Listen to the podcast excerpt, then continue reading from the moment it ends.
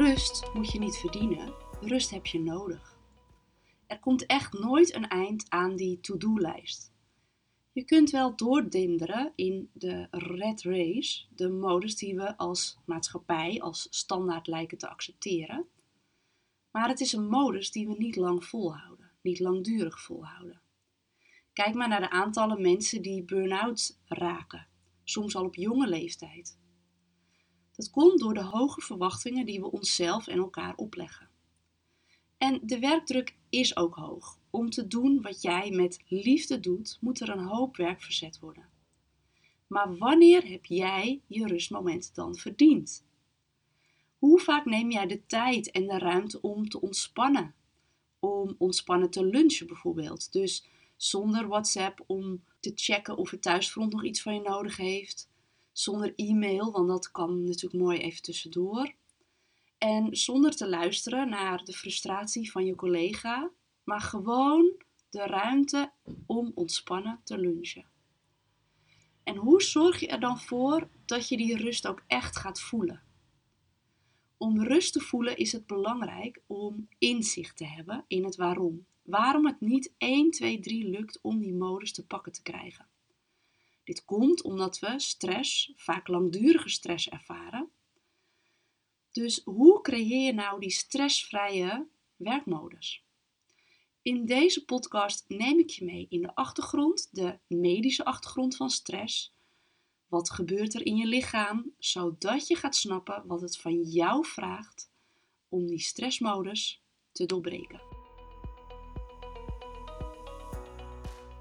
Welkom in de podcast Stress is verslavend.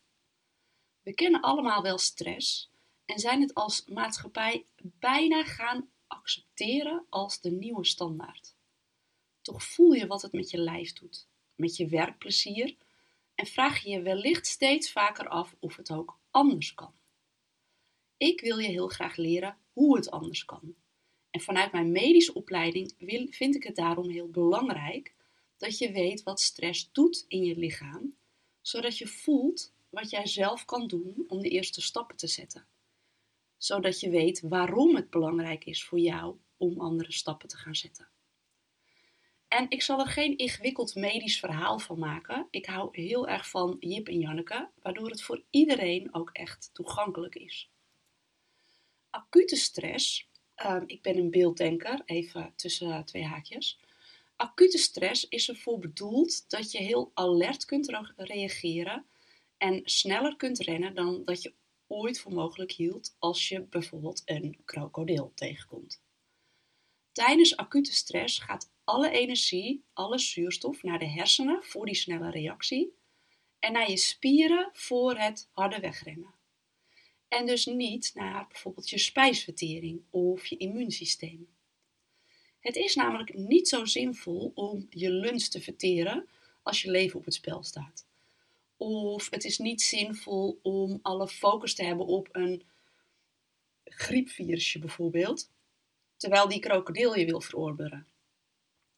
Maar langdurige stress legt deze systemen dus langdurig plat. En dat is niet zo handig voor je gezondheid en voor je energieniveau omdat die goede spijsvertering de toevoer is van voeding voor je lichaam. En je immuunsysteem is uiteraard ook superbelangrijk om jou te beschermen tegen ziektekiemen. Nou, tijdens stress vindt er ook een andere omzetting plaats van voedingsstoffen in energie in je lichaamscellen. De focus ligt op het wegrennen voor die krokodil, waardoor er weinig zuurstof, geen zuurstof gaat naar je lichaamcellen voor het produceren van energie. Daardoor wordt nu niet het eiwit omgezet in energieeenheden, maar vet wordt omgezet in energieeenheden. Maar uit de omzetting van vet in energieeenheden komt veel minder energie uit voort dan uit de verbranding van eiwit. Dus als je langdurige stress herkent, dan uh, kun je ook te maken krijgen met vermoeidheid, vage klachten en bijvoorbeeld overgewicht. En welk dieet je dan ook volgt, het helpt je niet om dit structureel aan te passen, aan te pakken.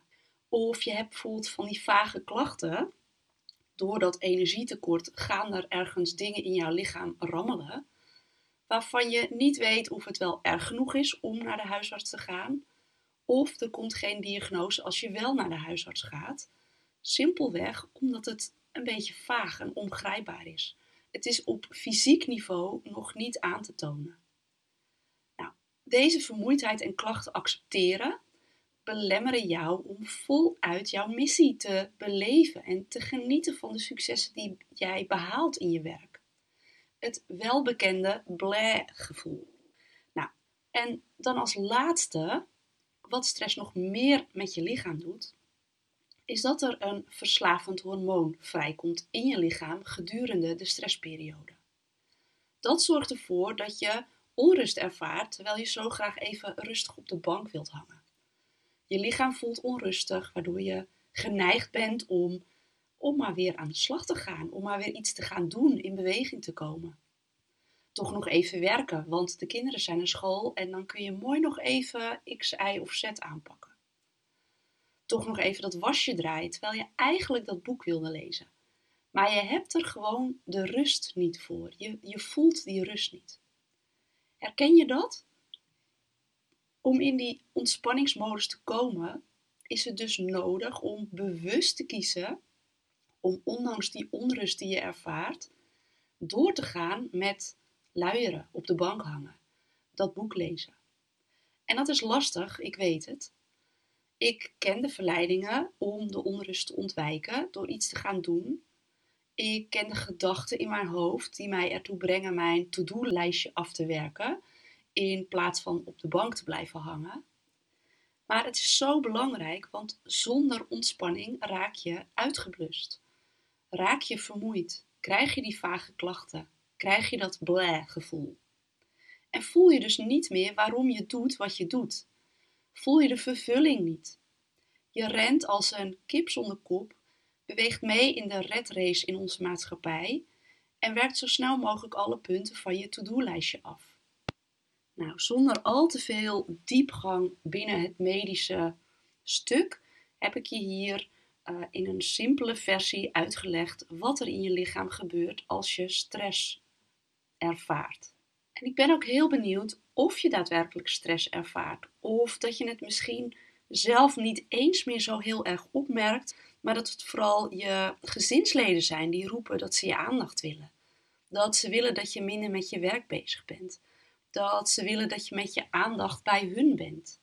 Of dat je stiekem wel voelt dat je gefrustreerd bent over kleine onbenullige dingen omdat je emmer vol is. En snap je nu wat er voor nodig is om uit die modus te komen? Bewust kiezen voor ontspanning met de onrust die je daarbij zal gaan ervaren. Met de weerstand waar je door die onrust, dat onrustige gevoel om in ontspanning te komen, die weerstand waar je doorheen moet. De herkenbare weerstand en onrust die je tijdens de eerste dagen van je vakantie misschien ook wel voelt.